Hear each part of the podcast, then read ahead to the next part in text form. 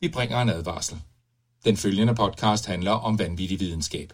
Al forskningen, der præsenteres, er 100% ægte og udført af professionelle. Mark og Flemming står ikke til ansvar for eventuelle misforståelser, men minder jeg om, at de altid har ret. Husk at være dumme.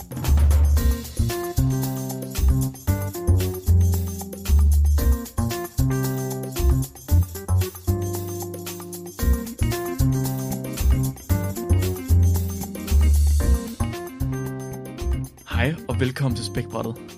Din bro til vanvittig videnskab. Hvor vi alle sammen er raske og har en dejlig hals og kan snakke rigtig nemt. Jeg, hedder, jeg er rask og frisk, men taler med spøgelser, Mark Lyng. Jeg er manden af få ord, Flemming. Åh, oh, Flemming. Det er så synd for dig i dag. Nej, Du det, har det så hårdt. det er fordi, jeg gerne vil være halvt mimer. Så jeg har taget det. Halv mimer. Ja, jeg har betaler. taget, jeg har taget et halvt tavshedsløfte. Det er hårdt i dag, Ja, kan jeg næsten forstå. nej, bare øve mig på få ord bruge. Det bliver, ja, det bliver et rigtig spændende afsnit. Jeg glæder mig til at se, hvor meget jeg forstår, og så bagefter, hvor meget lytterne forstår, når de skal høre afsnittet bagefter. Kæft, man, det, er Og du det, ved ikke, hvad med i samtalen. det er det, der rammer mig hårdest. det, det er simpelthen at få ondt i halsen, fordi det går ud over min evne til at tale, og det er simpelthen... Det, det er ligesom en fest, der ikke kan svømme. Nå, men du har te. Jeg har, lige- jeg har faktisk lige drukket det hele. Har du kommet... Hvad? Er det rigtigt? Ja. Var det med honning? Ja, men jeg sidder lige og tænker på, om jeg skulle putte noget rom eller whisky eller et eller andet i. Det synes jeg måske havde været en god idé. Noget gammeldansk. Tager en portvin siger du? bagefter.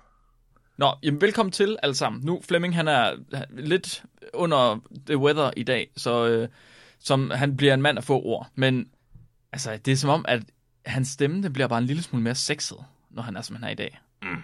Og altså, nej, jeg kan mærke, det kilder lidt i buksen, så det tænker jeg også, det gør for jer. Mm. Og det er jo rart nok.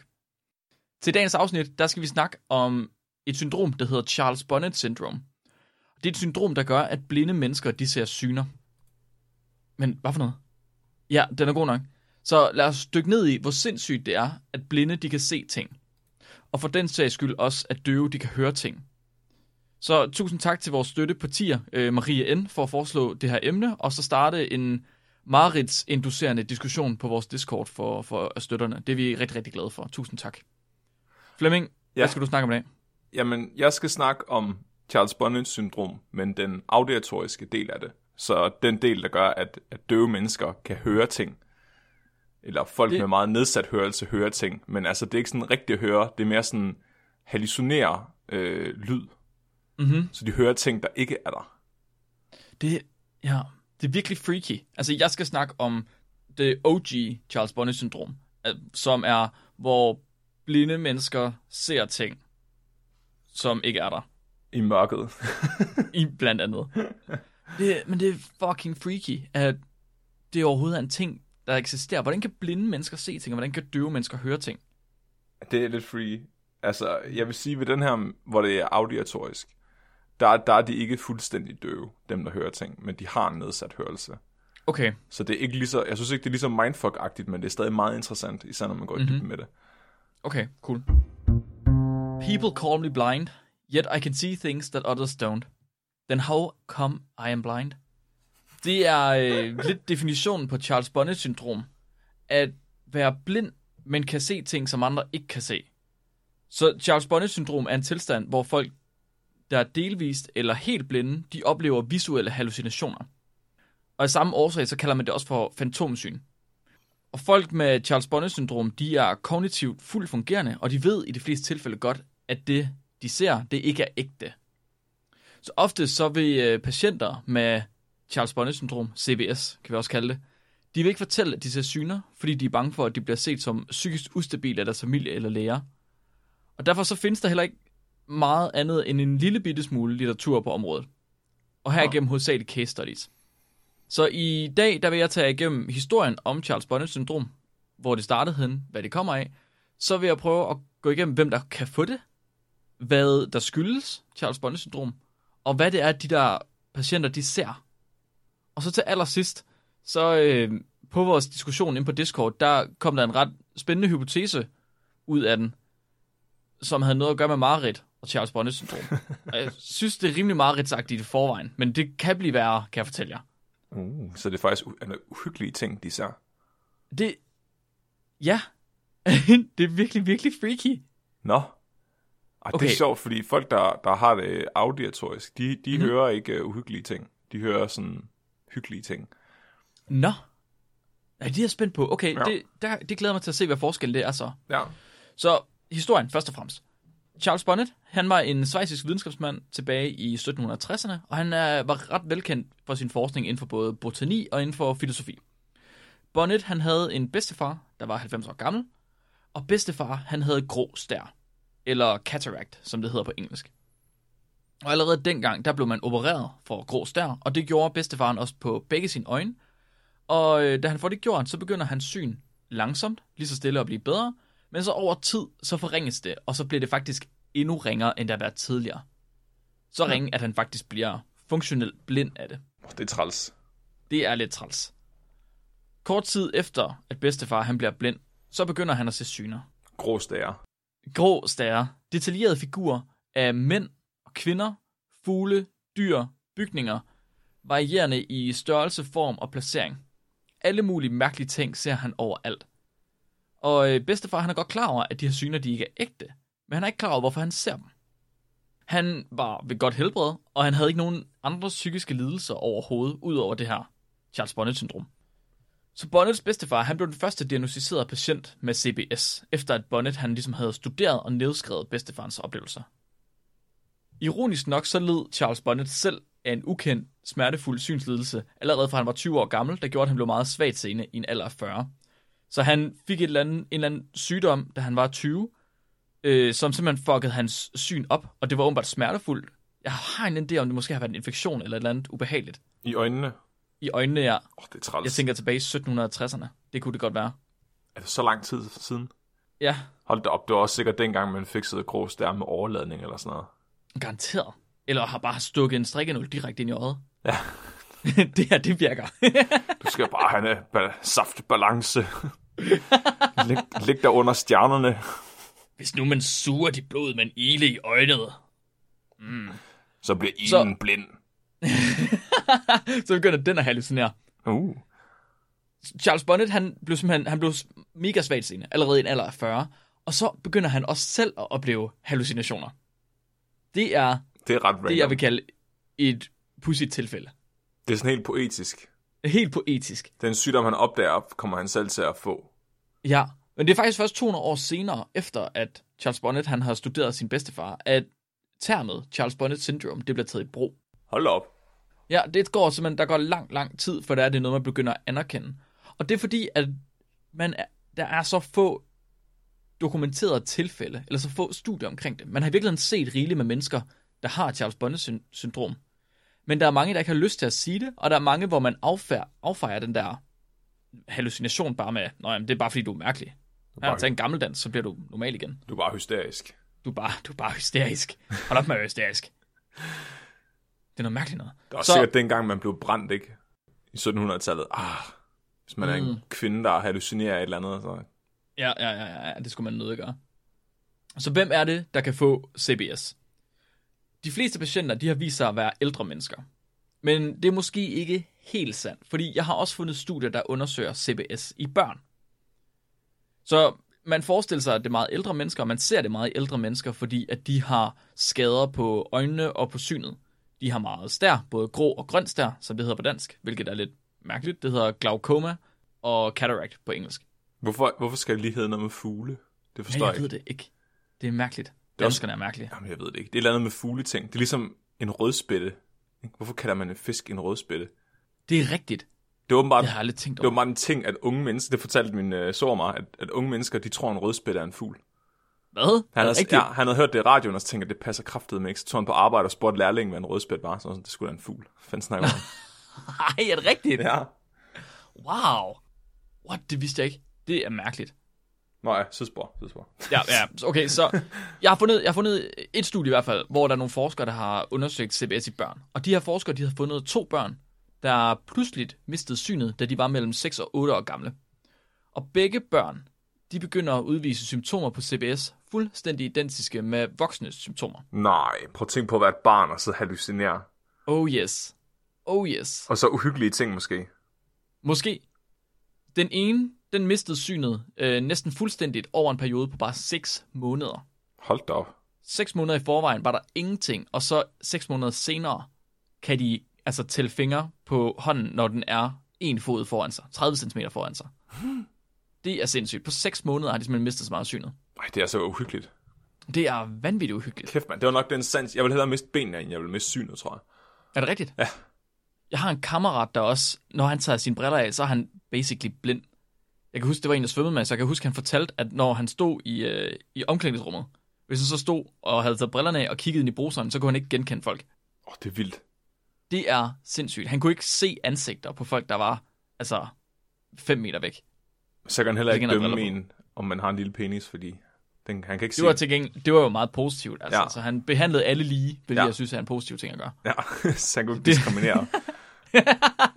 Det er rart. Han var nødt til at Det synes mærke efter i stedet for, at det var sådan lidt mærkeligt, ikke? Så. Ja, ja, ja, præcis. Det bliver lidt specielt, når det er, man går og mærker på hinanden. Det, Gør- det skal man ikke gøre. Det er en Nå. dårlig idé. Okay. Ubehageligt. Så den her knægt her, han mistede synet øh, næsten fuldstændig over 6 måneder. Og så fortæller han, at han begynder at se blinkende farver, og han begynder at se en ballerina i hjørnet af hans værelse. Åh, oh, Og den her ballerina, hun dukker hovedsageligt op om natten. nej. Selvfølgelig. Åh, oh, gud. Og det vilde er, at den her knægt, han ser alting som mega sløret. Right? Han kan kun lige præcis tælle sine fingre, når hans hånd er 30 cm foran sig. Ja, Men hallucinationerne står knivskarpt. det lyder som et andet horrorspil fra Japan eller sådan noget. Det er fucking creepy, så han kigger ud i sit værelse, der er totalt sløret, ikke? Han kan ikke se noget som helst, han kan bare se, der er et hjørne, og så står der bare en ballerina fuldstændig skarpt. Det er sygt. Men jeg tænker også, det har noget, at det ligesom har, øh, har medvirket til, at mange af de her patienter, de godt ved, at det, de ser, det ikke er rigtigt. Mm. Fordi hvis det står så skarpt, du ved, det er ligesom at tage øh, et billede og sætte ind oven i et andet billede, hvor det ene billede er sløret, det andet ikke er. Det er forskellige kvaliteter. Så kan du godt se, at de to billeder ikke passer sammen. Det er også ligesom de der gamle øh, Nintendo-spil og Playstation-spil. Hvis der er sådan et eller andet sted i væggen, hvor du kan slå hul, Ja, så er den yes. altid meget højere opløsning yes. Yes. end resten af væggen. Ja, lige præcis. Eller det lyser op, eller det er farvet med rød, eller et eller andet. Ja, ja, Fuldstændig. ja, eller også så kan de bare ikke, grafikken var så dårlig dengang, at de ikke kunne skjule det ordentligt. Hmm. Ja. Totalt. Så han begyndte at se øh, ballerina, og så den anden dreng, han begyndte at se snibolde med ansigter, og begyndte at se monsterulve, og begyndte at se mennesker, der falder ned af klipper. Oh, jeg vil gerne sådan høre, hvad forskellen på deres opvækst har været ved de der to drenge der. Hvad tænker du? Jeg tænker bare, at det er nogle rimelig fucked up ting, den ene ser. i- Altså, en, Nå. baller, en ballerina kan i den rigtige sammenhæng være virkelig uhyggelig, men hun kan også være meget andet. Er en- Er sådan snibbolde med ansigter og sådan folk, der falder ud fra klipper. Det er sådan... Hvad er det Hvad for tror et du, barn? du vil, hvad tror du, du ville se, hvis du havde CBS? Høns. Høns, selvfølgelig. Absolut. Ja, jo, okay, så nu sidespor, men det er et okay sidespor, fordi vi snakkede om inde i Discorden her, vi snakkede om, at det her var ligesom en form for modspiller til din søvnparalyse. Ja. Det her, det er jo en form for vågen søvnparalyse for blinde mennesker. Jamen, jeg, har, jeg sad godt og tænkte på det, da du fortalte om det. Ja. Tror du, hvis du havde CBS, så ville du se hende der, den sorte dame? Ja, det, det tror jeg faktisk. det er fucked. Ej, det er freaky, og Men- så ville hun følge efter dig, Åh, oh, Mark. mens du er vågen. Ja, Jeg sagde ikke, at det her blev et behageligt afsnit, det har jeg aldrig sagt. Jeg havde ikke forventet, at det blev et behageligt afsnit. nu er jeg bare endnu mere bange for at blive blind. ja, ja, for helvede. Det er fucking ulækkert. Ej, det Der, er der, virkelig prøv at, sygt. der var, så jeg har også set nogle YouTube-videoer med nogle øh, case study, eller hvor nogle folk, de fortæller om, hvad det er, de ser. Der er en gammel dame, der fortæller, at hun ser mænd siddende på sin seng nede for enden. Mm. Men det er ikke søvnparalyse, så hun prøver ligesom at, at vifte med dynen for at få dem væk. Ej, hvor vildt. Men det sker der selvfølgelig ikke noget det ved. lyder ret meget som om, at det overlapper lidt. Right? Ja. Det er så mærkeligt. Nå, men så også ved ham, der er en anden dreng, der så snebolde og monsterulve, der står billederne fuldstændig knivskarpt. Og de, men han beskriver dem ikke som uhyggelige. Han beskriver dem mere som underholdende, faktisk. Sneboldene. Dem alle sammen, alle de billeder, han ser. Nå. Også folk, der Alt. falder ud for klipper, eller hvad? Åbenbart, det er sådan lidt underholdende, siger han. Var det Ted Bundy? Måske, svært at sige. Måske er Ted Bundy en hallucination. Mm. Mm, øh, Oh, nu bliver det et virkelig... Uh, nu bliver det højt, højt niveau, det her. højt niveau. Så børn, de kan også få øh, Charles Bonnet-syndrom. Men de testede faktisk 16 andre børn også, udover de her to. Og de her 16 andre børn, de havde lignende synsskader. Og de fandt ikke en eneste af de andre børn, der rapporterede, at de oplevede hallucinationer. Hmm. Og det kan skyldes en del ting. Det kan skyldes, at børnene de ikke oplever hallucinationer, men det kan også skyldes noget af det, jeg snakkede om til at starte med, at patienter med Charles Bonnet-syndrom, de ikke har lyst til at fortælle, at de ser syner. Men har børn, har børn de forbehold? Det er et godt spørgsmål. Det kommer an på, hvor gamle de er, tænker jeg. Her Gjorde... der havde de testet nogle børn, der i gennemsnit var omkring 10 år gamle, men helt op til 18 år gamle. Okay. Og Men- men... tror du ikke godt, at de er sådan, sådan teenagealderen, er man sådan lidt bange for at blive set som skør? Det kan godt være. Det tror jeg. Det... Det kan jeg ikke relatere til. Nej, det har du aldrig oplevet. Men jeg, jeg tænker sådan på, at, øh, at det, det lyder som om, at det er noget, der forekommer hos folk, der har mistet synet, men ikke folk, der er blevet født blinde. Mhm. Så det er ligesom, når man, når man kommer i de der sensory deprivation tanks, og man får frarådet alle sine sanser. Altså, der går 15 minutter, så begynder man at hallucinere. Ja, At at hjernen- hjernen... det gør, hvad du har ret i det. At hjernen den ligesom begynder at fylde tomrummet ud med et eller andet. Mhm. Men hvis du aldrig har ja. Ja. udviklet en synsans, så, så har du ikke noget tomrum at fylde ud af. Altså, så, så tænker jeg bare, at den, den del af hjernen bliver brugt til noget andet. Så det er først, når du har mistet synet, at du begynder at opleve det, fordi du har lagret minder om ting, du har set og sådan noget, som ikke bliver brugt til noget som helst. Alle de studier, jeg har fundet, der er det kun folk, der har mistet synet senere hen. Ja, Ikke folk, der er født med, altså medfødt blindhed.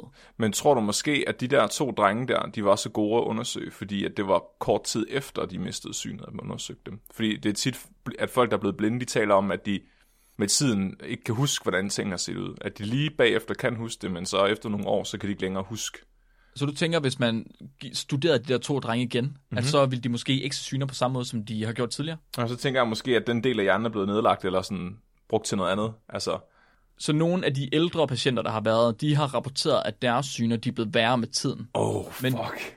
Ja, oh fuck. Men det er over en periode på nogle få år, så vidt jeg lige forstod. Op til fem år, tror jeg. Men det er også noget af det, vi har snakket om før, med hvordan minder de virker, ikke? At, at mm-hmm. vi husker det, vi huskede det sidste gang. Mm-hmm. Altså, man, ja, man husker ja, ja, ja, ja. ikke originalmindet, man husker sidste gang, man tog mindet frem. Yes. Så hvis det hele tiden er den samme hallucinering, de får, så kan den jo blive forvredet i alle mulige sindssyge retninger. Altså, Oh ja, yeah, den kan blive værre og værre og værre og værre. Oh my god. Ja. Så der er det her ene studie, der ligesom har vist, at børn, de i hvert fald godt kan få CBS. Og så er der nogen, der mener, at det er mest ældre mennesker, der får CBS. Men der er andre studier, der viser, at alder det faktisk ikke er nogen signifikant faktor overhovedet i forhold til risikoen. Så Nå. Nå. at alle i virkeligheden kan få det, uanset alder. Fuck. Er det ikke rart at vide, Flemming? Jo, Er det ikke rart at vide, Flemming? jeg tror bare, jeg skal begynde at gå med sådan, en, sådan nogle beskyttelsesbriller, så jeg aldrig nogensinde sådan kan miste synet ved et uheld. Du går bare altid og kigger ned i jorden for at undgå at kigge op i solen. Gå med lukkede øjne. Ja. kan vide, om det faktisk fungerer på samme måde som at blive blind så? Åh oh, ja, det kunne være interessant. Kan vi ikke få Nikolaj til at gå med bind for øjnene i, i et halvt år eller sådan noget? Nikolaj, du skal gå med bind for øjnene i et halvt år. Ikke se noget. Kun høre noget. Kun høre podcast. Ikke se podcast. Skal vi finde nogen, der kan holde ham i hånden? Sådan være hans... Nej, det er sgu lige meget. Det Fører kan han da hun. selv finde ud af. Ja, det er rigtigt nok. Det er ikke vigtigt, Flemming. Nej. Så, så, så. Så, men jeg har det sådan lidt, det at de der studier, de kun er lavet på ældre og børn, de kan gøre det, tænker jeg, ret svært at skrive nogle veludførte rapporter, baseret på de her, det er jo subjektive parametre, de bruger, ikke? Og De spørger jo folk, hvad er det, du ser? Hvordan føler du det? Så der er et studie for eksempel, hvor de havde en masse ældre mennesker, hvor de spurgte dem alle sammen, hvordan de oplevede deres hallucinationer. Mhm. Og en af dem, han var en 98-årig mand, som øh, fortalte, at han var sådan lidt, altså, at det, det var ikke, der var ikke noget problem med hans hallucinationer overhovedet. Så de begyndte, da han var 98, og så begyndte han at se vand og både og nogle øh, sjove, øh, tilskadekommende dyr og mennesker. Og han begyndte at se fly, og han begyndte at se slanger. Og han siger, jamen, øh, jamen de, altså, de der hallucinationer der, de er jo de er rare nok, men jeg ved godt, de ikke er rigtige. Han siger decideret, at de er pleasant. Men da han kom ind til forskerne til at starte med, der var det fordi, han var blevet transporteret til skades, øh, altså til hospitalet af brandvæsenet, efter han havde låst sig selv ind på badeværelset, hvor han skreg, at han var fanget i et glasrum, og at der var slanger, der kom ud af væggene. Hvad? Ja, Så han, så Så- han løg. eller også så ved han ikke bedre. Altså, Er han så dement, han ikke kan huske? Hvor- måske, Prøv lige at tænke på, Måske- hvordan, hvordan kan du, hvordan, hvordan kan et til skade komme dyr eller menneske være sjovt? jamen, jeg ved, altså, det er det, jeg siger, det er det, jeg tænker, at nogen af de patienter, de har kigget på, og måske fordi, at det er i nogle tilfælde meget ældre mennesker, og i andre tilfælde meget små børn, så kan det godt være, at de ting, de rapporterer, de er meget forvredende minder. Ja, man kan ikke regne med dem. Nej, ja, det var, det var lidt det, jeg sagde, men på en pæn måde. Ja, man skal, Ja. ja. man skal høre det omvendte af sandheden fra gamle mennesker og børn. Ja, præcis. Præcis, de fortæller løgne hele tiden. De aner ikke, hvad det er, de ser. Præcis. alt sammen løgn. Og han benægtede simpelthen, at han havde nogen som helst former for hukommelsesproblemer, og han havde ingen tidligere psykiatrisk his- historie. Der var ikke noget før. Ingen demens, ingenting overhovedet. Nå, Men alligevel, så altså, forklarede han, eller beskrev han de der hallucinationer som rare, selvom han var blevet båret skrigende ud af et badeværelse. det, jamen det kan bare være, at han var vestjyd jo. Nå ja, det kan være. Han Det var- kan være. Han ville ikke, han ville ikke indrømme. Hold at han var fint. skrædder. Fint. Ja. Og send mig hjem Men igen, det- jeg skal kravle ind i mig til dig. det, skulle, det, skulle, det er egentlig meget rart med sådan nogle slanger ud af væggene. Men Du siger, du siger, at du ser folk, der er kommet til skade, og dyr, der er kommet til skade. Ej, det er sjovt. Hvor- Jeg synes, at det, sådan en haltende hund, det er simpelthen det bedste underholdning, vi nogensinde har haft, der jeg kommer fra. ja, især, især, og de der kat, der er blevet kørt over, der bare og involver over det hele, det ser fandme ligner sådan noget konfetti. Ja, det er bedre end stand-up. Det er stand-up. Nej, det er ikke stand-up. Det er det modsatte af stand-up. Hold kæft, da. Ja, åh, brumtsch. Lie down. Fuck Okay, så nu har vi kigget på, hvem det er, der kan få CBS, så det viser sig lidt, at det er alle, der kan få det. Men hovedsageligt dem, der måske har øjenproblemer. Men hvad skyldes CBS? Hvorfor kommer det? Og der er mange ting omkring CBS, der er ret uklare. Så der er ikke endnu lavet en universel definition, og det betyder, at folk de kan diagnostisere CBS lidt i flæng. Så man kan egentlig kaste på lidt af hvert. Og derfor så er der altså også en kæmpe variation på, hvor ofte det forekommer i mennesker, alt efter hvilket studie man spørger eller læser. Så nogle studier, de siger, at det forekommer i 0,4% af menneskeheden, og nogle, de siger helt op til 30%. Hold da op. Så det er fordi, at definitionen på CBS er så vag, som den er. Mm. Men Flemming, hvis det nu forekommer i 30% af menneskeheden, Altså, er dem, der er blinde, ikke? ja, Skal man ikke være blind for at have det? det kommer an på definitionen, Flemming. Åh, oh, gud. Det kommer an på definitionen. Så kigger du til højre, og så kigger du til venstre. En af jer tre, lad som om der er nogle mennesker der, Flemming. En af jer tre, I har CBS. Fuck. Hvordan føles det, Flemming? Jeg kan ikke helt finde ud af, om det er Nelson Mandela, eller om det er... eller om det er Daimi. Og Det er, ret, det, er ret, sind- det er ret sjovt, du siger det der med synet, Flemming, fordi da det startede med at blive en ting inden for psykiatrien, der var der en forsker, det var tilbage i 1935, en fransk forsker ved navn Desmarchais, han holdt hårdt og fast på, at CBS det havde intet med synet at gøre. Så det, at Bonnets bedstefar, han havde haft synsproblemer, det var en ren tilfældighed. Intet andet. Der var intet med synsskader at gøre. Nå, så du tænker, at det er fordi, at folk, der er blinde, de opdager det bare nemmere, fordi der står noget skarpt i deres slørede synsfelt. Det er man slet ikke klar over overhovedet, og der, det virker som om i de studier, jeg har læst nu, at der er en ret øh, skarp kløft imellem folk, der, me, der altså, ikke vil sige, at der er noget med syn at gøre, og så folk, der mener, at det har noget med syn at gøre.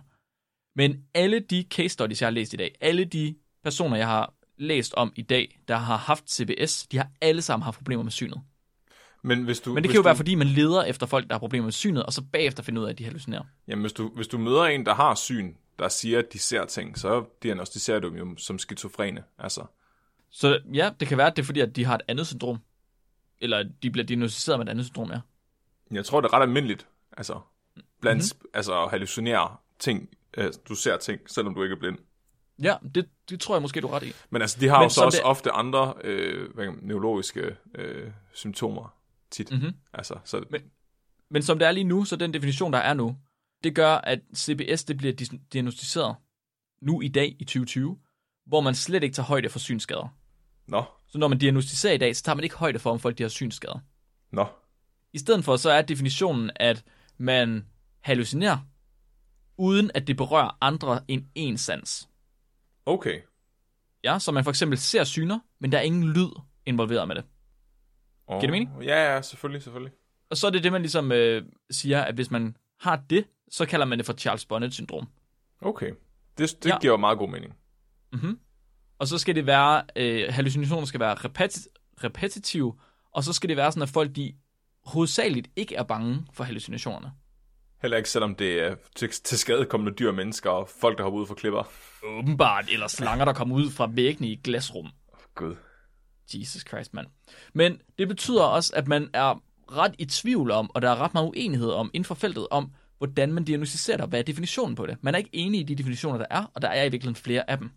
Så forskere de har forsøgt at finde på alle mulige mærkelige årsager.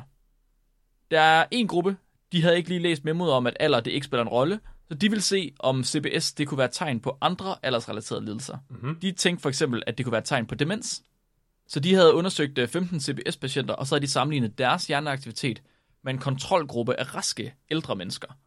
Og efter de har gjort det, så konkluderer de, at CBS og øh, visuelle hallucinationer generelt, det kan være en form for forstadie til demens. Men jeg læste studiet, og øh, det synes jeg nu er en lidt søgt konklusion. Det virker som om, at de ikke... Altså, der, der var ikke noget. Der var, det, der var ikke nogen sammenhæng overhovedet. De, men de skriver det i konklusionen alligevel, at de synes, de ser en sammenhæng, men det gør de i virkeligheden ikke. Men det er så kun den synsmæssige form af syndromet, at der ikke er Ja. nogen sammenhæng. Okay. Yes. Virker det til, som det er nu. Ja. Okay, så nu, vi ved ikke rigtigt, hvad der er, der, hvad der er CBS, det skyldes. Man er ikke klar over det overhovedet. Der er mange forskellige idéer, men man er slet, slet ikke klar over det. Men nu er vi kommet til, Flemming. Hvad er det, de her CBS-patienter, de ser? Så jeg har gravet lidt, og jeg fik selvfølgelig også øh, givet nogle artikler af Marie, øh, med nogle forskellige case studies med forskellige mennesker. Og dem vil jeg da bare lige øh, læse lidt op af. Så den første case study, det er en 83-årig dame, der blev opereret for grå stær i 2015. En måned senere, så begyndte hun permanent at se brændende starinlys overalt. Hvad? Lægerne, de kunne, lægerne kunne desværre ikke undersøge hende med en MR-scanning, fordi hun havde klaustrofobi, og det ville hun ikke være med til. Nå.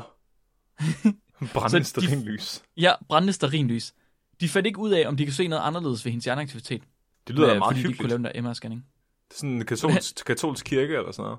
Måske, måske. Altså hun, øh, hun fortæller, at hun synes, det der brændte starinlys, de er lidt irriterende for hendes hverdag. Så hun ville i virkeligheden gerne have fundet en måde at få det til at holde op på. Ja. Men det er det. Det er lidt det, der er med hendes hallucination. Hun ser bare brændende starinlys. Hun går og mødes med ham der, øh, den gamle mand, der hallucinerede øh, havet. Ja. Så kan det ligesom være, at de cancellerer hinanden, fordi alle sterinlysene går ud. Åh, det er smart ting, Flemming. Jamen, jeg ved det. Men tror du, hun kancellerer ham? Det At er hendes kun ham, der stearinlys kancellerer bare- hende. Du skal, så skal du finde en græs-Pokémon, der kan cancellere ham. Nej, altså, men han er jo ligeglad med havet, altså. Så det gør vel Er ikke han? noget for ham, at han har et hav, der flyder en hel masse sterinlys rundt i. Sku- Det, det skulle da pænt irriterende at stå inde i superbrusen, og så lige pludselig så flyder det bare over med hav. Men Var det ikke ham der i Vestjylland, der sagde, at han havde det fint? Nå jo, det er rigtigt. og han hallucinerede i virkeligheden også både, så altså, må ikke det går. Jo. Det går sgu nok alt sammen. Men så hende har en 83 årig dame, alt andet end hendes syn, der var normalt. Det, ellers så var det faktisk det, hendes øh, psykiske aktivitet, var- der var ingenting overhovedet ellers. Så det var bare de her sterinlys, der var irriterende. Mm. Det var, det var det. En anden rapport beskriver en 77-årig mand, som havde både grøn og grå stær. Han fik antibiotika for en infektion, men så begyndte han også... Det var slet ikke meningen, at han skulle snakke om hallucinationer, men det gør han alligevel. Og han begynder at fortælle, at han kan se bogstaver på væggene. og han havde været til lægen med de der bogstaver, og lægen havde så sendt ham videre til en øjenspecialist, fordi lægen var sådan lidt... Jeg ved, s- øh, må du holde op med at læse avis midt, rundt midt i det hele, altså. Og øh, ham og patienten her, han beskriver, at han kan kunne se komplette sætninger med både tegnsætning og store bogstaver i starten af sætningerne På væggene. på væggene. Det er fandme Og han kedeligt. kunne, det er rimelig kedeligt. Han kunne læse nogle ord som Frankrig, mindst, nordvestlig og rehabiliteret. Helt klart. Men resten, det var, det var sløret. Og han havde if- ingen mentale problemer, Udover det. udover det. Frankrig. Jeg sidder, jeg, bl- jeg, jeg tænker sådan lidt, kan vide, om det er, om det er sådan den sjette sans-agtigt. I see dead people. Jeg ser Frankrig. Må, ja, måske er de ting, de ser der, måske er de der i virkeligheden, Mark. Mås- må- men måske kan vi bare ikke se det. Nej, vi, vi, vi, vi er blevet, øh, hvad kan man sige, vores, vores syn er blevet sø- sløret af vores syn, Mark. Au. Det gør ondt. De har endelig fået plads til det tredje øje, Der er mere mellem himmel og- himmel og jord. end øjnene kan se. de kan se lige igennem oh Oh The Matrix. God. Ja, ja. Eller også er det- totalt. Andre dimensioner, ikke, Mark? Uh. Ja. Ja. Måske. Altså, jeg synes, hvis de lavede en creepypasta ud af det her, så ville den være langt, langt bedre end den, jeg læste op. Eller faktisk nogen af dem, vi læste op fra det afsnit. Det her kunne godt være sådan rimelig creepy. Eller hvad? Prøv lige at sige det igen. Hvis, de, la- hvis der var nogen, der lavede en creepypasta ud af Charles Bonnet Syndrome, Ja. så ville den... hå- Altså, jeg kunne forestille mig, at den ville være langt bedre, end nogen af dem, vi læste op i det afsnit, hvor vi havde creepypasta med. Det er rigtigt. Det vil, det vil, det vil, at det måske, det vil måske minde lidt om den der um, sleep experiment, ikke? Hvor at de bliver er Ja. frarøvet øh, søvn, indtil de så bliver sindssyge af det, ikke? Det må være lidt Mhm. mm-hmm. det samme med, at du, du får frarøvet evnen til at se, indtil du... Men altså, så kunne man jo, så kunne man jo gå i alle mulige retninger. Det gør, at vi skal Alle mulige skrive sådan en, retninger. ja. Flemming, inspiration lige der. Hvad er, det Du går mest, bare i gang. hvad er det mest uhyggelige, man kunne se, hvis man ikke kan se? det mest uhyggelige, man kunne se, hvis man ikke kunne se. Skulle det være afdøde mennesker? Eller, ej, det er for klichéagtigt. Nej, det er det totalt. Bamser. Bamser. Kæmpe store, ulækre vingummi-bamser. Bitte små bamser rundt. og- Nej, hvad med de der øh, underbuksnisser øh, nisser fra South Park? Underbukser. Hvad er det for nogen? Har du ikke set dem? Jeg kan ikke huske det. Hvad? Hvad fanden er de hedder? Det er dem, så det er dem, der kommer og stjæler dine underbukser om, om natten, eller dine sokker om natten, eller sådan noget. Jo, det siger mig fandme længe Det er siden. sådan nogle nisser, der, går- der går rundt, øh, eller dvæve, eller sådan noget, der går rundt og, og miner og hakker ting. Jeg kan godt Nå, være... det er også lige meget. Ja. Ja. Det er også lige meget. Skal vi tage, no- jeg har nogle flere eksempler også, fordi på YouTube, der er der også masser af interviews med ældre mennesker, der fortæller om, hvad det er, de ser. Og der er for eksempel en, som vågnede op på et tidspunkt, og da hun fik det allerførste gang, der var sådan ud af det blå, lige med det samme, så vågnede hun op, og så hele hendes væg, hele hendes øh, værelse, soveværelse, alle væggene er dækket med sådan noget hvid pels. Hvad? Ja, med hvid pels, Åh, der bevæger sig. oh, det lyder sådan lidt... Det lyder sådan virkelig klamt, men også sådan lidt sexet på samme tid. Og hun, hun tager til lægen, og der, altså hun tager til mange læger, og der er ingen af dem, der kan fortælle hende, hvad det er, hun fejler. Og hun prøver at fortælle dem, hver gang hun går ind til en ny læge, som sådan lidt, jamen altså, de spørger, hvad er det, du ser? Og så siger hun, jamen der er jo, på, på din væg lige nu, kan jeg se lyserøde firkanter, der bevæger sig rundt imellem hinanden. Det er vel ikke meningen. Det er ligesom sådan en screensaver, bare i virkeligheden. Fuldstændig, fuldstændig. Ja, det var hendes, det var hendes hallucination. Det er ret moderne, vil jeg sige, for en ældre dame. Åh, det er sjovt. Der var en, øh, en anden dame, der så øh, mudder vælte ud fra hylderne i supermarkedet. Så når hun stod og skulle tage ting fra, på hylderne i supermarkedet, så kunne hun ikke øh, stille det tilbage eller tage noget, fordi der simpelthen bare begyndte at vælte mudder ud af hylderne. Jeg tror ikke, hun hallucinerede. Jeg tror bare, der var Walmart i Detroit. Muligvis. Ja. Der er en tredje, så øh, hoveder fra gargoyles svæve rundt mellem mennesker. Åh, det er træls. Og en sidste så menneskekroppe uden hoveder gå rundt imellem folk. Uh. Hun oplevede, at hun stod inde på apoteket, og så lige pludselig begynder det bare at vælte ind ad døren med de her hovedløse kroppe. Så mange, at hun ikke kan se op til kassen længere. Så til sidst så må hun bare stille sine ting og så gå ud. Altså Mark, det, der kunne lige pludselig komme sådan helt, ny- helt nyt lag af sådan politisk kommentar på vores creepypasta her. Og hvad tænker du? Sådan noget mindless consumerism, eller øh, mm. ligesom i den originale Dawn of the Dead, med sådan, åh, folk går bare hovedløst rundt ind i, ind i butikken og bruger penge, ikke? og de tænker så slet ikke om og miljøet og sådan noget. Ja, Ja. ja, ja, ja, ja. Enig? Ej, det bliver smukt. Så for nogen, der er øh, det her ret frygtindgydende. Men for andre, der er det på ingen måde problematisk. Mm. Og hvad man ser, det kan så ændre sig i løbet af ens liv, åbenbart. Så det er igen det der med, at definitionen er sådan lidt vag, fordi definitionen siger, at det skal være repetitivt, men det kan sagtens ændre sig i løbet af ens liv. Og du kan høre ham der gutten, der både så havet og både, og hvad var det, hvad fanden var det andet? Slanger. Så det kan ændre sig ret meget. Ja. Det er også øh, meget forskelligt, hvornår folk de hallucinerer. Så der er en artikel, der har skrevet, at nogle patienter de hallucinerer kun, når deres øjne er åbne, og deres billeder de forsvinder, når det er, at de lukker øjnene. For andre, der har det ingen effekt, om de lukker øjnene. For nogen kan lys være en trigger. For andre, der kan en lav mængde lys, altså mørke, være en trigger. Nogle mener også, at det at flytte øjnene kan fjerne de her hallucinationer. Mhm. Det er for, kan det for nogen. Og for andre, der er det sådan noget som træthed og søvnløshed og stress, der sætter gang i det. Mm. Så det er basically at være et menneske, der sætter gang i CBS. Shit. Prøv lige at tænke på, Hallucinationer. ikke, altså, ikke at kunne lukke øjnene, at det stadig er der, når du lukker øjnene, det er fucked up. Mm-hmm. Altså, så kan du aldrig nogensinde f- komme, få fred. Ja, ja, ja. Altså det, men, så hvordan var det det var med din søvnparalyse? Når du lukkede øjnene, så forsvandt de fra dit syn, men de var stadig i rummet. Jeg, kunne stadig, jeg kan stadig mærke, det er der. Men, altså, Okay. ja, men det, det, altså, jeg ser det, som om det fuldstændig er ægte. Altså, der er ikke nogen forskel i, i sådan opløsningen eller noget som helst. Altså, det ser Nej, okay. totalt ægte ud. Men du ved, nu ved du godt, at det ikke er ægte. Ja, Ja, ja. Også når du, også når du sidder i det. ja.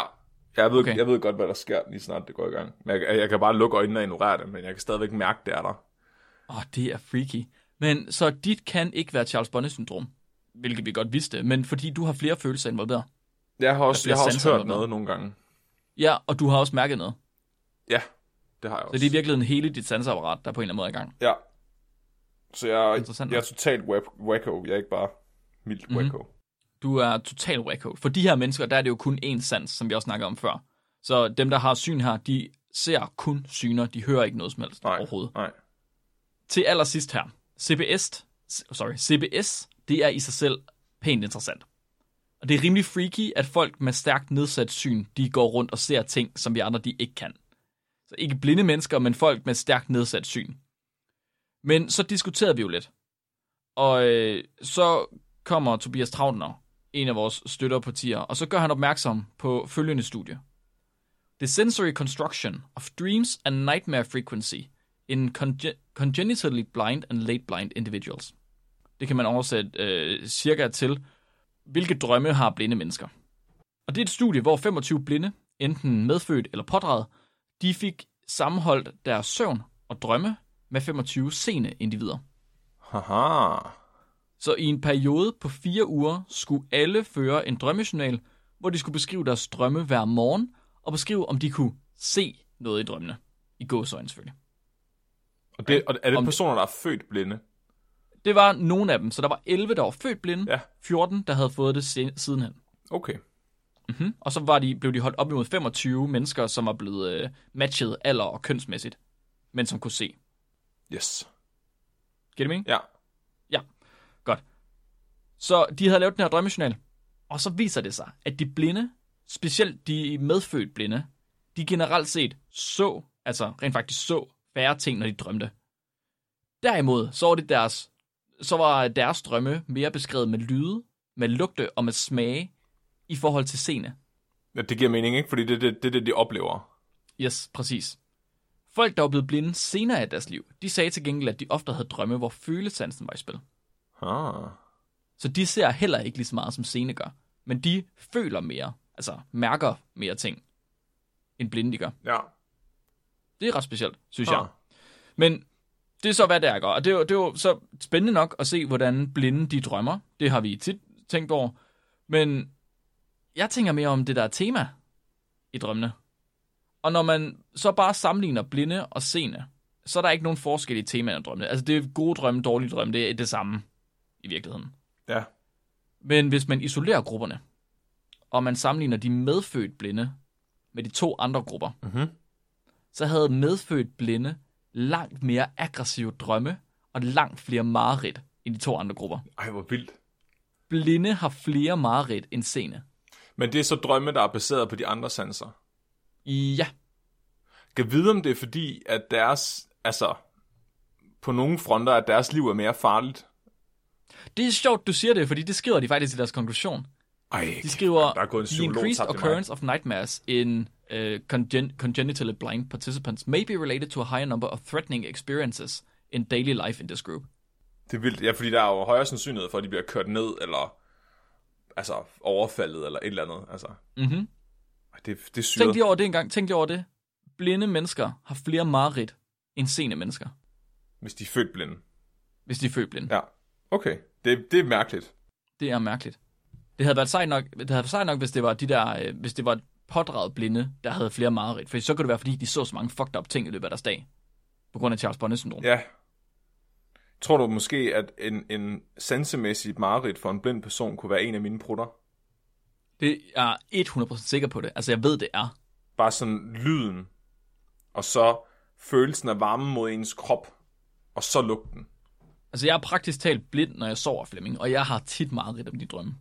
Eller om dine øh, brutter. Det er ikke altid, det har været et mareridt. Nogle gange er det sket.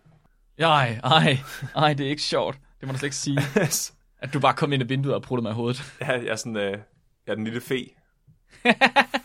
Den lille fe. Så det var simpelthen øh, CBS for, øh, for seende, eller folk, der ikke kan se, retter. Ah, Tak for det. Det var virkelig vildt. Så jeg skal tale om den hørelsesmæssige pendant til det her syndrom. Og der er simpelthen en hørelsesmæssig pangdang. Ja, og det er ret nyt, at man er begyndt at snakke om det. Okay. Så man har, man, man har egentlig indtil nu sådan troet, at Charles Bonnet-syndrom kun gik ud over synssansen, men er, men er begyndt at tale om nu, at det også findes øh, i forhørsansen. Okay. Blandt folk, der er blevet døve øh, i løbet af deres liv. Mhm. Så, så, og det, det giver ligesom, hvad kan man sige, det krediterer teorien om, at, at Charles Bonnet-syndromet egentlig er et produkt af, at du har mistet evnen til at opleve et eller andet, du havde tidligere. Mhm. At det er derfor, at det måske ikke så meget giver mening at sige, at seende mennesker også kan have syndromet, eller hørende mennesker også kan have syndromet, fordi at det er et fænomen, der forekommer som følge af, at hjernen den simpelthen altså keder sig. Ja, så det er en form for fantomsans. Ja, præcis. Ja. Ja, ja, ja, ligesom folk, der mister en arm, og så har de stadig ondt i den, efter den er blevet kort af. Ja, ja, ja, præcis, præcis, præcis. Og det synes jeg bare er virkelig interessant, og jeg, jeg, jeg kan ikke lade være med at tænke på de der sensory deprivation tanks. Mhm. Mm-hmm. At når folk kommer ned i dem, altså så efter ret kort tid begynder de at hallucinere helt vildt. Altså, øh, fordi alle deres sanser bliver lukket ned. Det var jeg slet ikke klar over, man gjorde. Jeg troede egentlig, at man lukkede helt ned for alting, i stedet for. Nej, altså det er ret almindeligt, at folk bruger de der sensory deprivation tanks som en form for trip.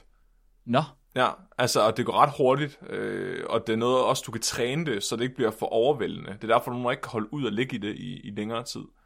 ej, det er virkelig freaky, det var jeg slet ikke klar over. Jo, altså Joe Rogan af alle mennesker, ja. Ja. han har sådan en sensory deprivation tank stående. Ja, selvfølgelig. Ja. Hold kæft, selvfølgelig har han Ja, det. ja øh, fordi at du får nogle vilde trips ud af det, altså.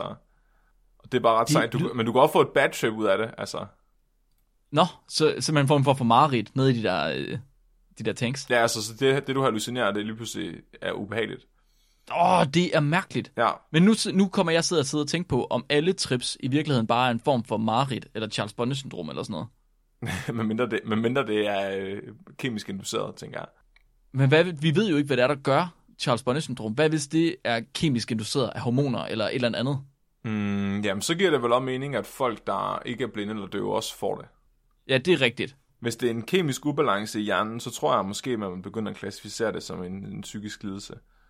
Mhm. Jeg ved det ikke. Altså, jeg ved, jeg er jo ikke... For fanden, jeg er ikke... Øh, jeg er ikke hjerne... Hvad hedder det? Neurolog. Hvorfor er du ikke det? Kan du ikke lige være det? Ja, i jeg kan stedet for? godt lade som om jeg er det. Ja, tak. Men jeg synes det, jeg synes, det er vildt spændende at snakke om. Mega. Så den her artikel, den handler om en 81-årig kvinde, som øh, man har diagnostiseret med auditorisk Charles Bonnet-syndrom. Mm-hmm. Og den fungerer ligesom et, som et case study af den her kvinde, men så, fun- så fungerer den også som et review paper, der ligesom samler den viden, vi har om, om hørelsesudgaven af, af syndromet. Fordi mm-hmm. det er sådan relativt nyt. Altså, det er ikke noget, man har undersøgt så meget. Den her kvinde, hun var kommet ind, og øh, hun kunne simpelthen høre mennesker synge i sit hjem. Og de her mennesker, de sang religiøse sange. Mm. Hun hørte ingen andre stemmer, eller oplevede nogen andre former for hallucin- hallucinationer, så hun så heller ikke ting eller noget. Hun hørte bare folk, der sang i hendes hjem. De undersøgte, Okay. hende, ja, de undersøgte hende så, de tænkte, okay, shit, bedstemor, hvad, hvad sker der lige? hvad, hvad for nogle småkager har du bagt, ikke? Øh, så de, de, de undersøgte hende fra øh, top til tå, Ja. og de fandt ud af, at hun fejlede faktisk ikke noget andet, end hun havde dårlig hørelse. Ja. Men hun brugte høreapparater i forvejen. Hun Okay. øh, fejlede heller ikke noget neurologisk, så der var heller ikke noget sådan indad til øh, i hende, der sådan... Der var noget, hun var heller ikke dement eller noget som helst. Så det var kun hørelsen. Og det er det, der får dem mm. til at sige, at det her, det er Charles Bonnet-syndrom, men for hørelsen. Og det er også tidligere blevet kaldt Oliver Sacks-syndrom, fra Mhm. mm-hmm. en anden person, der så har beskrevet den her form for lidelse. Og det er du... Det synes jeg, det synes jeg, jeg har hørt før, Oliver Sacks-syndrom. Ja, Er det, jeg ved ikke, om, om det er noget, der sådan er hyppigt. Jeg synes, jeg har hørt om det før i hvert fald. jeg har, jeg har faktisk ikke stødt på det før, den her artikel. Nå, men det kan også være, det er bare mig. Så første gang det her det blev dokumenteret, det var tilbage i 1846. Damn. Ja, og det blev igen i, i starten af 1900-tallet øh, også dokumenteret. Så det er noget, man har kendt til i mange år, men det er ikke rigtig noget, man sådan har påtalt eller sådan, du ved, trukket den røde tråd med. Der er nogen, der oplever, at det bliver værre, hvis der ikke er nogen baggrundsstøj. Sådan så, at hvis du allerede har nedsat hørelse, men du så også er i et miljø, hvor der slet ikke er noget lyd, så kommer de her halluci- hallucineringer oftere. What? Ja, så tænker jeg vide, om det også sker. Altså det snakker du også om med nogle af dem, der har det med synet, at hvis de er i et rum, der er mørkt, at de så oftere hallucinerer. Altså i nogle tilfælde, at det kan være, Ja, der nogle af ikke- dem gør i hvert fald, ja, ja. altså hvis de stadigvæk har en lille bitte smule af deres synssans tilbage, at de så, hvis de så slet ikke får noget at kigge på, at det så kommer. Så kan vide, om det, som du siger, eller sagde lige før i hvert fald, om det er hjernen, der keder sig, og hjernen på et tidspunkt, der skal have brugt noget, jeg ved ikke, energi eller noget aktivitet, som den ikke har gjort før. Ja, det kan godt være. Jeg tænker også, at det er noget med alle de her minder, der er lagret, der er relateret til den her sans, at de bliver, de bliver anvendt til et eller andet. Det er lidt ligesom... Tror du, det, hvis du... tror du, det er en form for vågen drøm?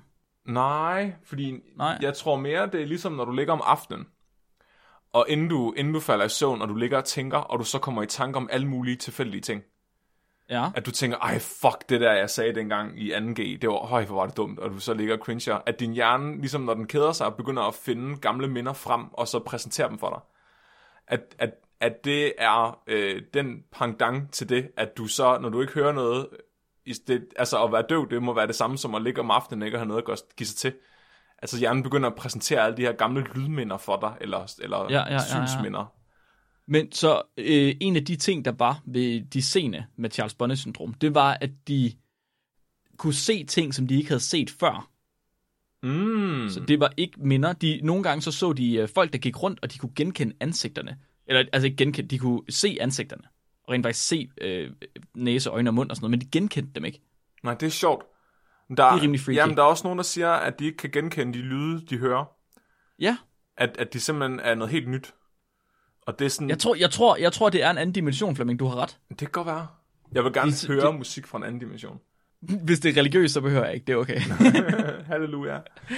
Men det er jo en helt anden religion, Mark. Det kan jo være, at Cthulhu er stedet op af havet i den, i den der dimension. tror du, det gør salmerne meget bedre? Det tror jeg, når den bliver sunget med ni tentakler.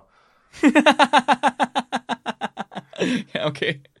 Øh, Mhm. Zoidberg.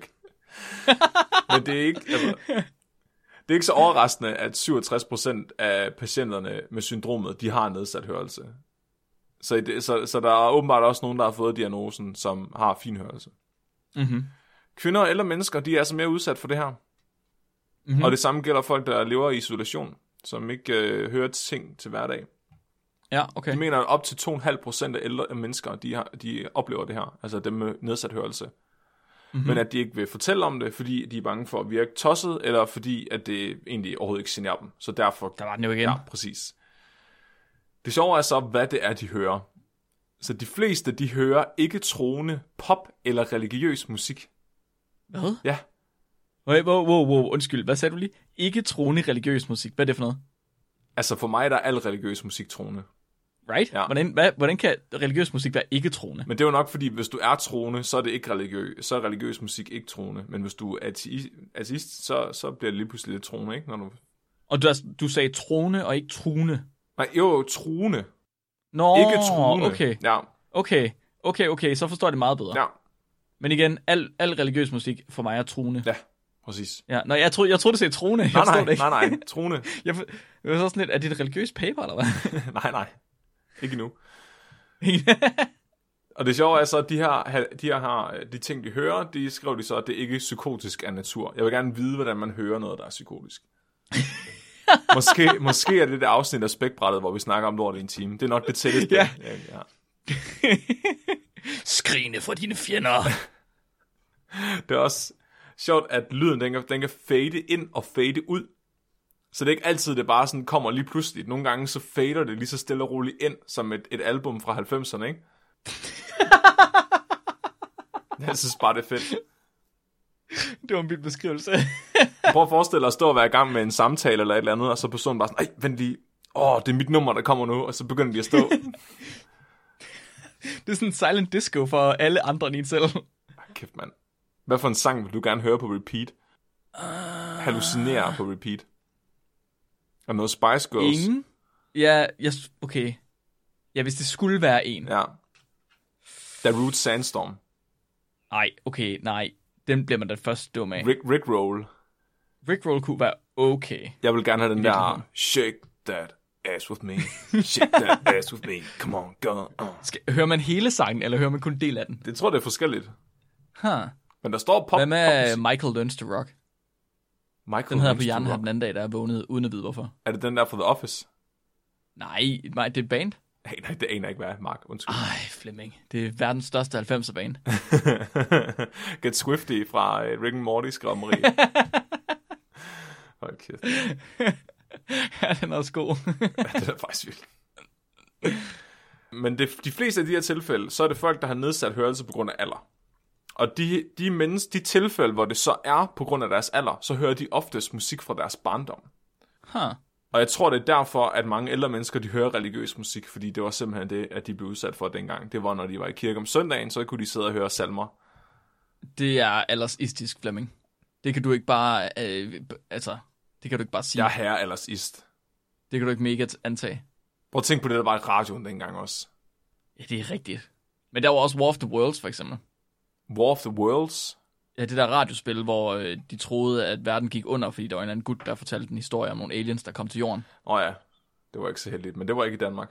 Ej, det er rigtigt. Men Hvad hvis, hvad hvis man hørte sådan noget? At aliens kom for at dræbe en, Ja, så ville man... tror du, tror du i virkeligheden, alle profeter bare har været sådan halvdøve, og så har hørt ting, de ikke øh, skulle høre? Uh. Jeg ved, om Moses var- var... han hørte godt. Måske var Måske... Jesus halvdøv. Måske. Der var, øh, der var nogen, en, tror jeg, en person i alle de studier, jeg har, jeg har læst, med- der ligesom havde øh, syns Charles Bonnet, som så engler og dæmoner. Det er fandme også vildt. Måske var det i virkeligheden, måske var det bare profet, de var kommet til at diagnostisere med Charles Bonnet-syndrom. Altså, Altså, jeg tror, alle profeter i alle religioner nogensinde har været sygehoved. Og jeg synes, det er man havde fantastisk. bare ikke, ja, man havde bare ikke de øh, værktøjerne, psykiatriske værktøjer til at diagnostisere dem. Altså, jeg ville ønske, at jeg var født for tusind år siden, så tror jeg, jeg havde været en eller anden vikingprofet. Ja, Så tror jeg bare, jeg havde fortalt om mit søvnparalyse, og så havde jeg fortalt, at det betød, at vi skulle tage til England og plyndre, og så havde det alle sammen det er sagt- måske, det er måske rigtigt nok, ja. Ja, lad mig bare se. ja. det kunne jeg godt forestille mig. Men til gengæld, så har du virkelig mærkeligt med høns, Flemming. Det havde man jo også dengang, Mark. Ja, det, det er ikke, ikke så mærkeligt, som du har det. Det tror jeg altså ikke på.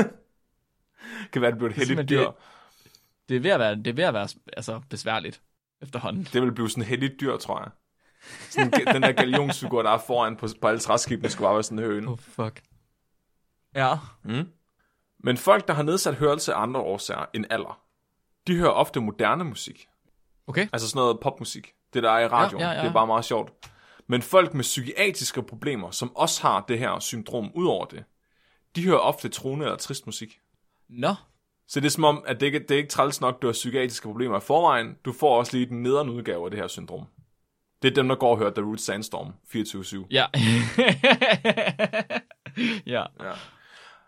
Og så til sidst, så, så vil jeg lige komme ind på, at der, de nævner, at nogle komponister har haft det her syndrom.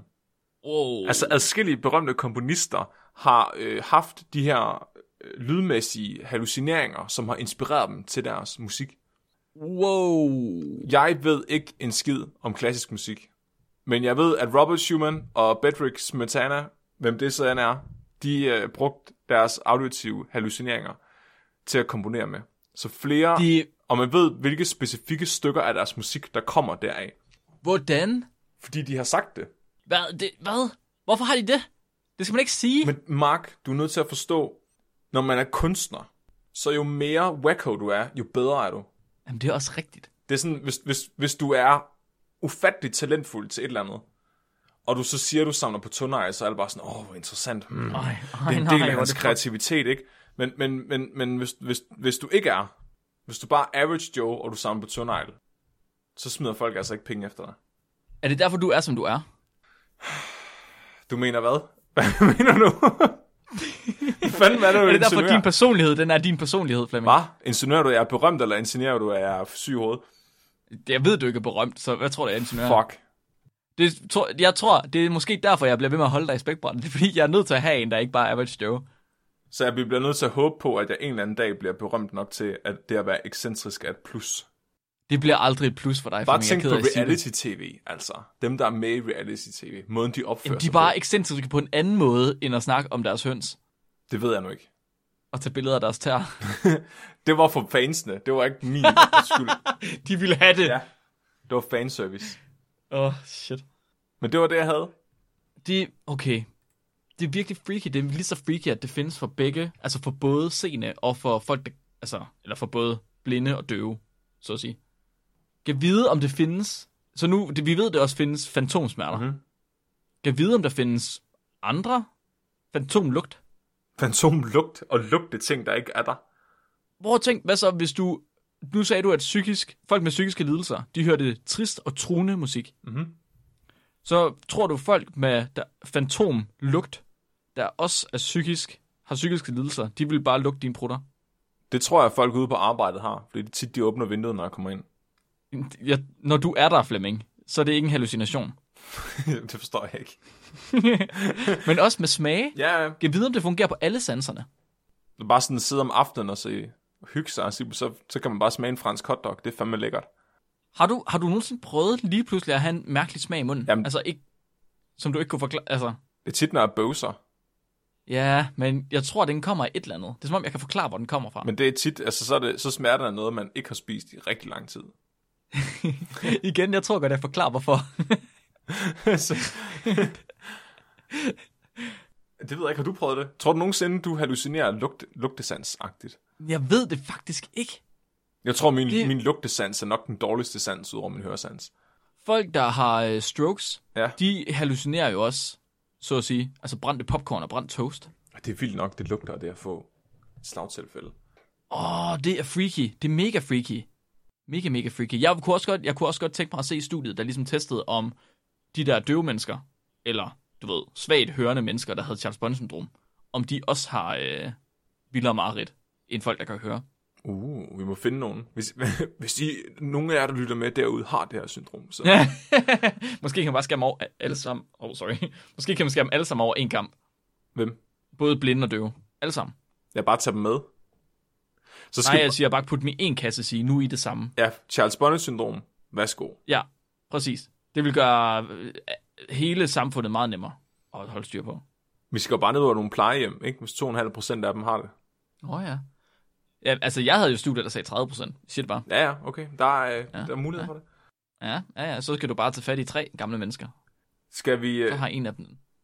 wow, vent. Hvad? Tre? Nå. Ja, eller lige knapt en af dem. True, true. Ni, ni- 90 procent af en af dem. 90 procent. ja. Mark, nu må du lige komme med p-værdierne der. ja. Skal vi kigge på, øh, hvad lytterne har skrevet? Øh, ja, lad os gøre det. Så øh, Marie, hun skriver, at hun tænker ikke, at blinde kan have CBS, fordi hallucinationer kræver en form for syn. Altså, ikke, fordi man kan ikke se noget, der ikke er der, hvis man ikke kan se noget. Ja. Det, ja, det er jo et godt argument. Det var lidt det, vi snakker om, også med, sådan, at, at hvis du er fuldstændig blind og født blind, har man så det her. Ja. Ja, og det virker det ikke til, at man har. Jeg har ikke fundet nogen tilfælde, hvor man var... Folk, der var fuldstændig blinde, at de havde Charles Bonnet syndrom. Og det er nok, fordi de ikke kan se overhovedet. Men så også folk, der er Men det- blevet det... fuldstændig blinde. Nej, folk, der er blevet fuldstændig blinde, de kan ikke have Charles Bonnet syndrom. Okay, men det er fordi, de har oplevet at se noget på et eller andet tidspunkt. Højst sandsynligt, men altså, det kan man jo ikke vide. Fordi ellers kunne det jo være ret lækkert bare at sige, okay, hvis, hvis, hvis du er blevet fuldstændig blind, og du har det her syndrom, hvis du så bare prikker øjnene ud, så overstået. Det ville fandme være smart. Ja, men skal ikke bruge dem til noget alligevel, jo. Ja, Væk med dem. Væk med dem. Væk, væk med det lort. Det skal ikke bruges til noget. Sted. ud, ud med monstrene. Men en af de ting, man ikke ved, det er om... Altså, det er i det, er det samme spørgsmål som øh, det der med farverne, vi havde på det tidspunkt, som du ikke kan lide. Det der, er din blå den samme blå som min blå? Nu, nu stopper du. Det- Nu skal du, Mark, Jamen, det er jo det samme som at spørge, om kan blinde mennesker se noget? Right? nej, Det det, kan du kan aldrig de finde ud af, for ikke. du ved ikke, hvad det vil sige at, ble, at se noget. Det kan de ikke, Mark. Men, nå, overhovedet. Nej. Det er bare basta. Ja, Men du er ikke sikker. Du ved det jo ikke. jo. Nej, hvordan ved du det? Fordi der- deres øjne virker ikke, Mark. Jamen, det, hvad hvis deres hjerne kan få dem til at se noget? Så hvorfor render de så rundt med stok og hund og alt muligt? Jamen, ikke se ting ud af øjnene. Bare se ting, generelt. Hvor skal de se? Nu stopper du, Mark. Hvad skulle Du de ser se jo ud ting i af? hjernen, Flemming. Hvad? Du ser jo ting i hjernen. Når du mener, om de kan, om de kan hallucinere sansen? Ja, Nej. basta. Jamen, det er i orden. Det... Det kan man jo også finde ud af. Hvordan det? Fordi der er jo nogen, der bliver opereret, sådan så de får syn. Der er nogen, der er født... Efter de har været blinde for evigt, eller hvad? Ja, der er jo nogen, der bliver født blinde, hvor du så kan operere dem, og så kan de se.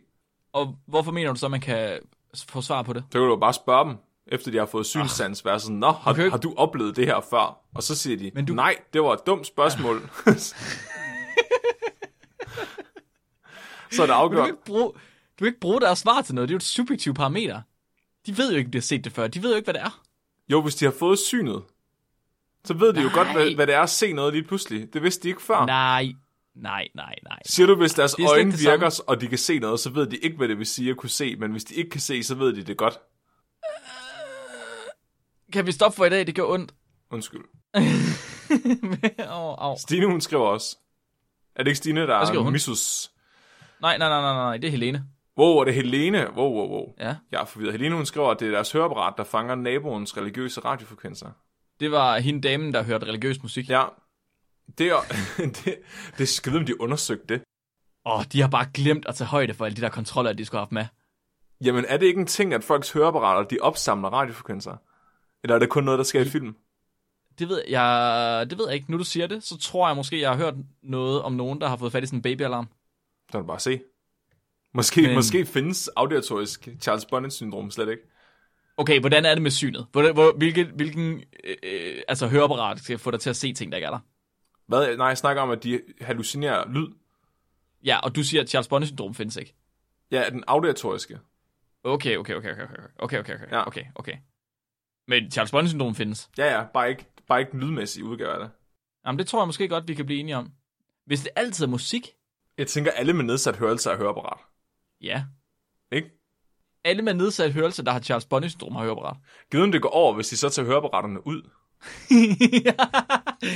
Så har du i hvert fald svaret. Jeg ved, der må der være nogen af dem, der på et eller andet tidspunkt har tænkt, ej, nu gider jeg, Oh. nu gider jeg ikke høre Spice Girls mere. Jeg slukker for Oh, høreapparatet. Åh, Flemming, jeg forestiller mig bare lige, en forsker, der har brugt 40 år af sit liv på at studere det her, han sidder med sådan en gruppe af 10 af de her øh, auditive Charles Bonnet-patienter, og sidder og udspørger dem om meget vilde ting, og så kommer der bare en eller anden bedel op og slukker for sørbrættelsen. Så, så har vi styr på det. Vi har lige ødelagt hans karriere. det var det. Der skulle ikke mere til. Nej, det var også lidt. Ej, man skal huske at stille de rigtige spørgsmål. Fuck. Alright, skal vi ikke... Øh, skal vi nå at tage et lytterspørgsmål, inden vi lige siger tak for i dag, Flemming? Ja, bring it. Det var godt, fordi hvis du har sagt nej, så har det været lidt synd for dig, fordi et lytterspørgsmål i dag er sendt ind af dig, Uh, Flemming. Kan du huske, hvad du stillede af spørgsmål? jeg har stillet mange spørgsmål. Har du I det? svarer aldrig på nogen af dem. Nu svarer vi på et af dem. Er den relateret til høns? Nej, Er det ikke den her er den gang. med fingrene? Ja, Uh, har du et svar? nej. Hvor- Så Det kan kan du vi ikke finde ud bruge af. det til noget, Mark. Jo, jo, jo. Nu, nu, skal vi, nu diskuterer vi. Flemming. Okay. Så, Flemming spørger. Svensk ringefinger er en del længere end alle de andre fingre, Ja. men kun på den venstre hånd. Ja. Vi vil gerne vide, hvorfor og om det betyder noget. Jeg tror, jeg har en idé, Flemming. Mhm. Ringefingeren, den er ofte rimelig symboliserende. Man bruger den blandt andet til at vise, at man er gift. Mhm. Right? Så øhm, den har en rimelig stor religiøs kontekst. Det har den venstre hånd også. Er det fordi, det er den, man masturberer med? Nej, det kommer an på, hvad for en hånd du bruger til at masturbere med, Flemming. Det er jo ikke det, jeg mener. Nå. Den venstre hånd har en religiøs kontekst. Kan du huske, hvad for en det er? Den venstre? Ja. Det er den, er den der ikke er den højre? Den venstre hånd er satans hånd. Hvad? Den venstre hånd er satans hånd. Den venstre hånd er ledtog med djævlen. Den højre hånd er den gode hånd. Nå, fordi venstrehåndet bruger den. Ja. Det giver mening. Wait, what? Hvad, hvad var din logik lige der? hvad? Venstre hånd er en dårlig hånd, fordi venstre håndet bruger Ja, den. præcis. Nå, De har besudlet den med deres venstrehåndethed. jeg tror, jeg tror, at Svend er et produkt af satan. Ja. Jeg tror, at du har fået ham, og jeg tror lige, du har indrømmet, at du har fået ham ved at sk- underskrive en aftale med satan. Nå ja. Fordi at hans ringefinger, den er længere på den venstre hånd, end den er på den anden hånd. Og det betyder nemlig, at han har et større bånd til satan, Det, end han har til Gud. du sagde lige, du ikke havde noget svar, så gav du mig bare guldgruppen der. Jeg, havde- jeg var ikke lige klar over, at jeg havde det svar. Altså, så er det simpelthen, fordi han er måske symbolsk gift med satan. Ja, det tror jeg simpelthen, det er. Så jeg tror, øh, hvis du ser en form for canceragtig vækst på hans venstre ringefinger i løbet af teenagealderen, øh, så er det bare en ring, der er ved at vokse frem, som satan er ved at få til at vokse frem. Antichrist er ved at gro ud af ham. Præcis, præcis. Jamen, jeg havde læst alt muligt om, at det nok var for meget testosteron i livmoderen og sådan noget, men det, det er fandme glad for at høre, at det bare er, fordi han er ledtog med satan. Ja, det skal du slet ikke tage dig af. Nej. Altså, testo- for meget testosteron, det har jeg aldrig hørt om før. Nej, hvad er lyder det? Hvad er fuldstændig det? vanvittigt. Altså, Det kan man ikke. Det kan man ikke. Han bliver, han bliver en bjørn, når han bliver gammel. Ja. Det bliver dejligt. Glæder mig. jamen, tak, Cool. tak for Jamen- svaret. Flemming. Jeg er glad for, at jeg kunne hjælpe. Det, øh, du siger bare til en anden gang. Hvornår svarer jeg på nogle af alle mine hønserelaterede spørgsmål? Jamen, det, det vi har ikke tid. vi har så travlt med alle de andre spørgsmål. Fuck jer, mand. Tusind, tusind tak, fordi I lyttede med. Tak til dem, der sidder ude på Discord. Lige nu sidder der Maria. Tak, fordi du lytter med, Maria. Øh, Og tak til alle vores andre støtter på Discord. Flemming, vil du ikke sige tak til vores samarbejdspartnere. Eller bare nogen af dem måske. Jamen, så øh, vil jeg gerne sige tak til Stine, fordi at hun Mhm. mm. tegner tegninger til os. Og det er rart. Og jeg har bedt hende om at tegne noget, som I ikke ved. Uh, Jeg har, må vi be- jeg har vide det? betalt hende i betonhøns. Sejt. Ja, Må vi vide, hvad det er? nej. Det er min hemmelighed. Tak, Stine. Hvad gør man, hvis man nu selv vil have tegnet tegninger af Stine? Så skal man, øh, så skal man finde en anden t- til at gøre det, fordi hun er vores. Hun er travl. Ja. Hun skal kun tegne spækbrætterrelaterede ting. Hvad nu, hvis man vil have hende til at tegne spækbrætter-relaterede ting til sig selv? Man, man, så kan man gå ind på hendes Instagram. Det synes jeg er smart. made.b.misa, M-I-S-A. Og det står nice. Nice. for meget interessant... Øh, s- Sportsatlet. ja, Nice. For nyligt, i sidste uge, der lagde vi et øh, helt nyt design op, som er tegnet af, af Stine. Altså vores nye blik, bliksprutte, som vi er ved at finde et navn til. Jeg ved ikke, har vi kommet på et navn endnu, Flemming? jeg tror, den hedder Flemming. Nej, det, ja, det kan jeg fandme love dig for, at den ikke gør. Så har vi ikke fået på et navn endnu. Nå. Simpelthen. Men der er simpelthen kommet nyt design ind, og der kan man få klistermærker, og man kan få t-shirts, og man kan få kopper med den her blæksprutte på, og den er altså overordentlig smuk. Mm. Intet andet end smuk. Mm. Så gå ind på vores, øh, vores webshop, bit.ly-specshop, for at finde de her, øh, det her design. Og så støtter I både os, og I støtter Stine, og hjælper hende med at tegne nogle flere tegninger. Det er smukt. Næste uges afsnit, det bliver den 22. september. Flemming, ved du, hvad det kommer til at handle om? Nej, det kan jeg ikke huske. Du bliver så glad. Kom med det. Høns. Jeg bliver så glad. Er det høns? Det er ikke. Åh, oh, det er ikke afsnittet. Det er ikke afsnit. Ja, ja. Hvad skal... Nu har jeg taget den, fordi at jeg vidste, du blev glad. Hvad skal et afsnit om æg handle om? Tydeligvis om æg. Om æg? Men hvad om æg? Uh, om æg, Mark. Okay, jeg glæder mig til at Der er høre et noget helt mere journal Det bliver om rigtig æg. fedt. Åh, oh, det bliver godt. Virkelig, jeg glæder mig til at finde Ægge, til at finde de ægge artikler. relateret videnskab. Så glæder jeg til næste uge, når I skal høre Flemming snakke om æg i en time. Det bliver rigtig rart. Ellers skal vi gå til dagens dyrefakt. Dagens dyrfakt. Bring it, bitch. Okay, dagens dyrefakt er selvfølgelig også sendt ind af Stine, som det altid er. Så og mega fedt. Så, når havskildpadder de spiser, så kommer der en masse vand med. Men havskildpadder de har ikke gælder til at filtrere vand fra, ligesom fisk de har. Så derfor så skal de kaste op, efter de har spist. Men for at holde maden nede, og kun kaste vandet op igen, så har havskildpadder hundredvis af modhager. Sylespidse modhager i deres mund og i deres hals. De filtrerer deres bræk. Mit navn er Mark, Mit navn er Flemming. og du har lyttet til Spækbrættet. Husk at være dumme.